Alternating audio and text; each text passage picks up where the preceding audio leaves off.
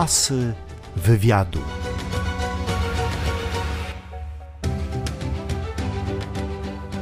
Zbigniew Zamachowski, aktor filmowy i teatralny, piosenkarz, kompozytor muzyki do etiud filmowych, a także autor tekstów piosenek. Pamięta Pan swoje zabawki z dzieciństwa? Oczywiście, ponieważ nie byliśmy specjalnie zamożni, to nie były klocki Lego, bo ich w ogóle jeszcze wtedy nie było. Takie drewniane klocki też pamiętam i oczywiścieśmy byli wyposażeni, natomiast takie podwórko, o którym ja mówię i taki pałac z przyległościami zawsze raczej prowokował do tego, żeby się bawić na zewnątrz. W związku z tym moją ulubioną zabawką było stare koło od roweru, pozbawione opony, które się wprawiało w ruch za pomocą pogrzebacza. Kto dalej ujechał z tym kołem, tym, tym był lepszy i cieszył się większym nimbem na podwórku. I wszelkiego rodzaju urządzenia naturalne typu kamienie, jabłka, które czasem zjadaliśmy, a czasem, nie mówię o kamieniach, tylko o owocach, a czasem rzucaliśmy się nimi bardzo namiętnie. Czy jakieś przyjaźnie z tego okresu dzieciństwa czy szkoły podstawowej przetrwały w pańskim życiu do dziś? No raczej nie. Raczej e, to są takie rodzinne, że tak powiem, e, koneksje, bo tam też wychowywało się całe mnóstwo moich kuzynów e, i kuzynek i z nimi mm, jakby widuje się często no trudno w tym wypadku mówić o przyjaźniach, ale nie ma między nami na szczęście żadnej przepaści. Raczej przyjaźnie czy znajomości e, datują się od czasu szkoły i mam w moim rodzinnym miasteczku, gdzie do 18 roku życia mieszkałem, wielu naprawdę znajomych, z którymi mimo naprawdę dużych okresów niewidywania się e, rozmawiam z nimi tak, jakbyśmy się naprawdę przedwczoraj rozstali, czy tydzień temu i to jest naprawdę fenomenalne, bo ja myślę, że ja dzięki nim nie zapominam, gdzie się urodziłem i skąd pochodzę i kim tak naprawdę jestem. A oni jakby we mnie to poczucie utrzymują i sami zresztą fantastycznie e, się trzymają i trzymają się wszystkich tych zasad, w których zostali wychowani, czy też w których byliśmy razem wychowani. Ale nie ma takiego momentu, kiedy przyjeżdża pan w swoje rodzinne strony i myśli sobie, daleko zaszedłem, jestem w zupełnie innej bajce, udało mi się. Pewnie, że gdzieś takie myśli towarzyszą e, temu mojemu życiu, ale może niekoniecznie, że udało mi się, ile, że się raczej właśnie oddaliłem od tego życia. Mało tego, ponieważ dwa razy do tej samej wody się nie wchodzi, to nie przypuszczam, żebym się potrafił zdobyć na taki gest i na przykład wrócić w tamto miejsce i być tam i żyć tam. To chyba już nie jest specjalnie możliwe. Natomiast to ciągle jest jakby i to w sobie utrwalam cały czas i pielęgnuję, że to jest to miejsce, z którego ja wyrosłem i to jest jakby moje miejsce na ziemi tak naprawdę, nie Warszawa, tylko tak naprawdę te moje brzeziny, co tu dużo mówić, pod Łodzią. Asy wywiadu.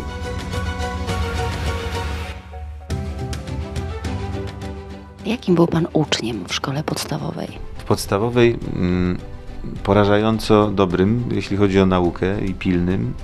To wszystko się bardzo zmieniło w szkole średniej. Pewnie wszedłem w jakiś trudny moment dojrzewania.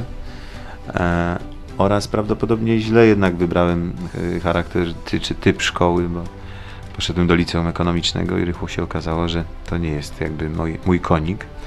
Jednak winienem był zdaje się do jakiegoś liceum ogólnokształcącego, gdzie jest większość przedmiotów humanistycznych. Niemniej to mnie zmobilizowało do tego, żeby mm, znaleźć jakby drugą stronę tej, tej, tej mojej pomyłki, że tak powiem. Mianowicie tam założyłem kabaret z moimi koleżankami i kolegami i tam właściwie różne moje predyspozycje literackie, a przede wszystkim muzyczne się ujawniły i myślę, że rozwijały. One się do tego mm, stopnia rozwinęły, że właściwie chyba dzięki nim dzięki temu, że po wielu latach śpiewania na różnych festiwalach dotarłem do Opola. Tam zostałem zauważony przez reżysera, który powierzył mi rolę w moim pierwszym filmie, Wielkiej Majówce, że w ogóle zostałem aktorem, więc nic nie jest bez przyczyny i ten chyba jednak błąd w wyborze miał również swoje pozytywne skutki. Pierwszy papieros, pierwszy pocałunek i pierwszy alkohol w pańskim życiu. Mm, pani, to już było tak dawno, że nie do końca pamiętam to wszystko, ale y, jedno mogę powiedzieć, że, że to wszystko jakby mile wspominam, włącznie z papierosem. W związku z tym y, wszystkie te namiętności, że tak powiem, kultywuję, pielęgnuję i nie zamierzam z nich rychło zrezygnować. Wspomniał Pan, że marzył Pan o tym, żeby zostać piosenkarzem. Czy teraz pojawiają się takie myśli, że żal trochę? Zupełnie nie, dlatego że może nie myślę o sobie jako o piosenkarzu, ale jako o człowieku śpiewającym mogę o sobie spokojnie myśleć, ponieważ to moje śpiewanie y, ciągle ma miejsce. A myślę, że ono jest o tyle ciekawsze niż to, które ja sobie kiedyś wymyśliłem, że jest dużo bardziej szlachetne poprzez to, że zajmuję się czymś, co z grubsza i nazywamy piosenką aktorską, a owa piosenka winna się charakteryzować przede wszystkim dobrą jakością tekstu. Piosenkowanie czasami jest takim śpiewaniem dla śpiewania, natomiast tutaj jeszcze przynajmniej tak być powinno, jak powiedziałem, o coś mm, głębiej chodzi. I bardzo się cieszę, że mogę te dwie rzeczy łączyć. Jestem aktorem, a jednocześnie od czasu do czasu śpiewam. Komu Pan najwięcej zawdzięcza w życiu? Tak wielu osobom, że nie chciałbym tu wymieniać kogoś z nazwiska, natomiast na pewno y, pani profesor Ewie Mirowskiej, która mnie w jakiś sposób ukształtowała w, y, w szkole filmowej, Markowi Walczewskiemu, z którym się spotkałem w Teatrze Studio w Warszawie po szkole i wielu jeszcze innym osobom, Zenkowi Laskowikowi, jeśli chodzi o zawód, natomiast no, jeśli chodzi o życie, to no, oczywiście, że dom mnie w jakiś sposób ukształtował i to jest podstawa teraz, kiedy mam własne dzieci, wiem jak to jest ważne i mm, tak strasznie walczę o to, żeby nie zagubić tej sfery życia tych moich dzieci, przez to, że jestem dość człowiekiem zajętym i, i z rzadka bywam w domu. I wtedy, kiedy tylko mogę, to jednak y, zajmuję się nimi i próbuję je też ukształtować, bo nic nie daje im jakby takich podstaw życiowych, jak to, jak to jest w domu, jak rodzice się do siebie czy do nich odnoszą i co im fundują na co dzień. Asy wywiadu.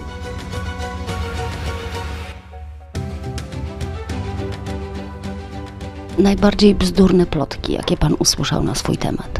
Że jestem mężem Adrianny Biedrzyńskiej po tym, jak zaśpiewaliśmy, czy to oczy mogą kłamać.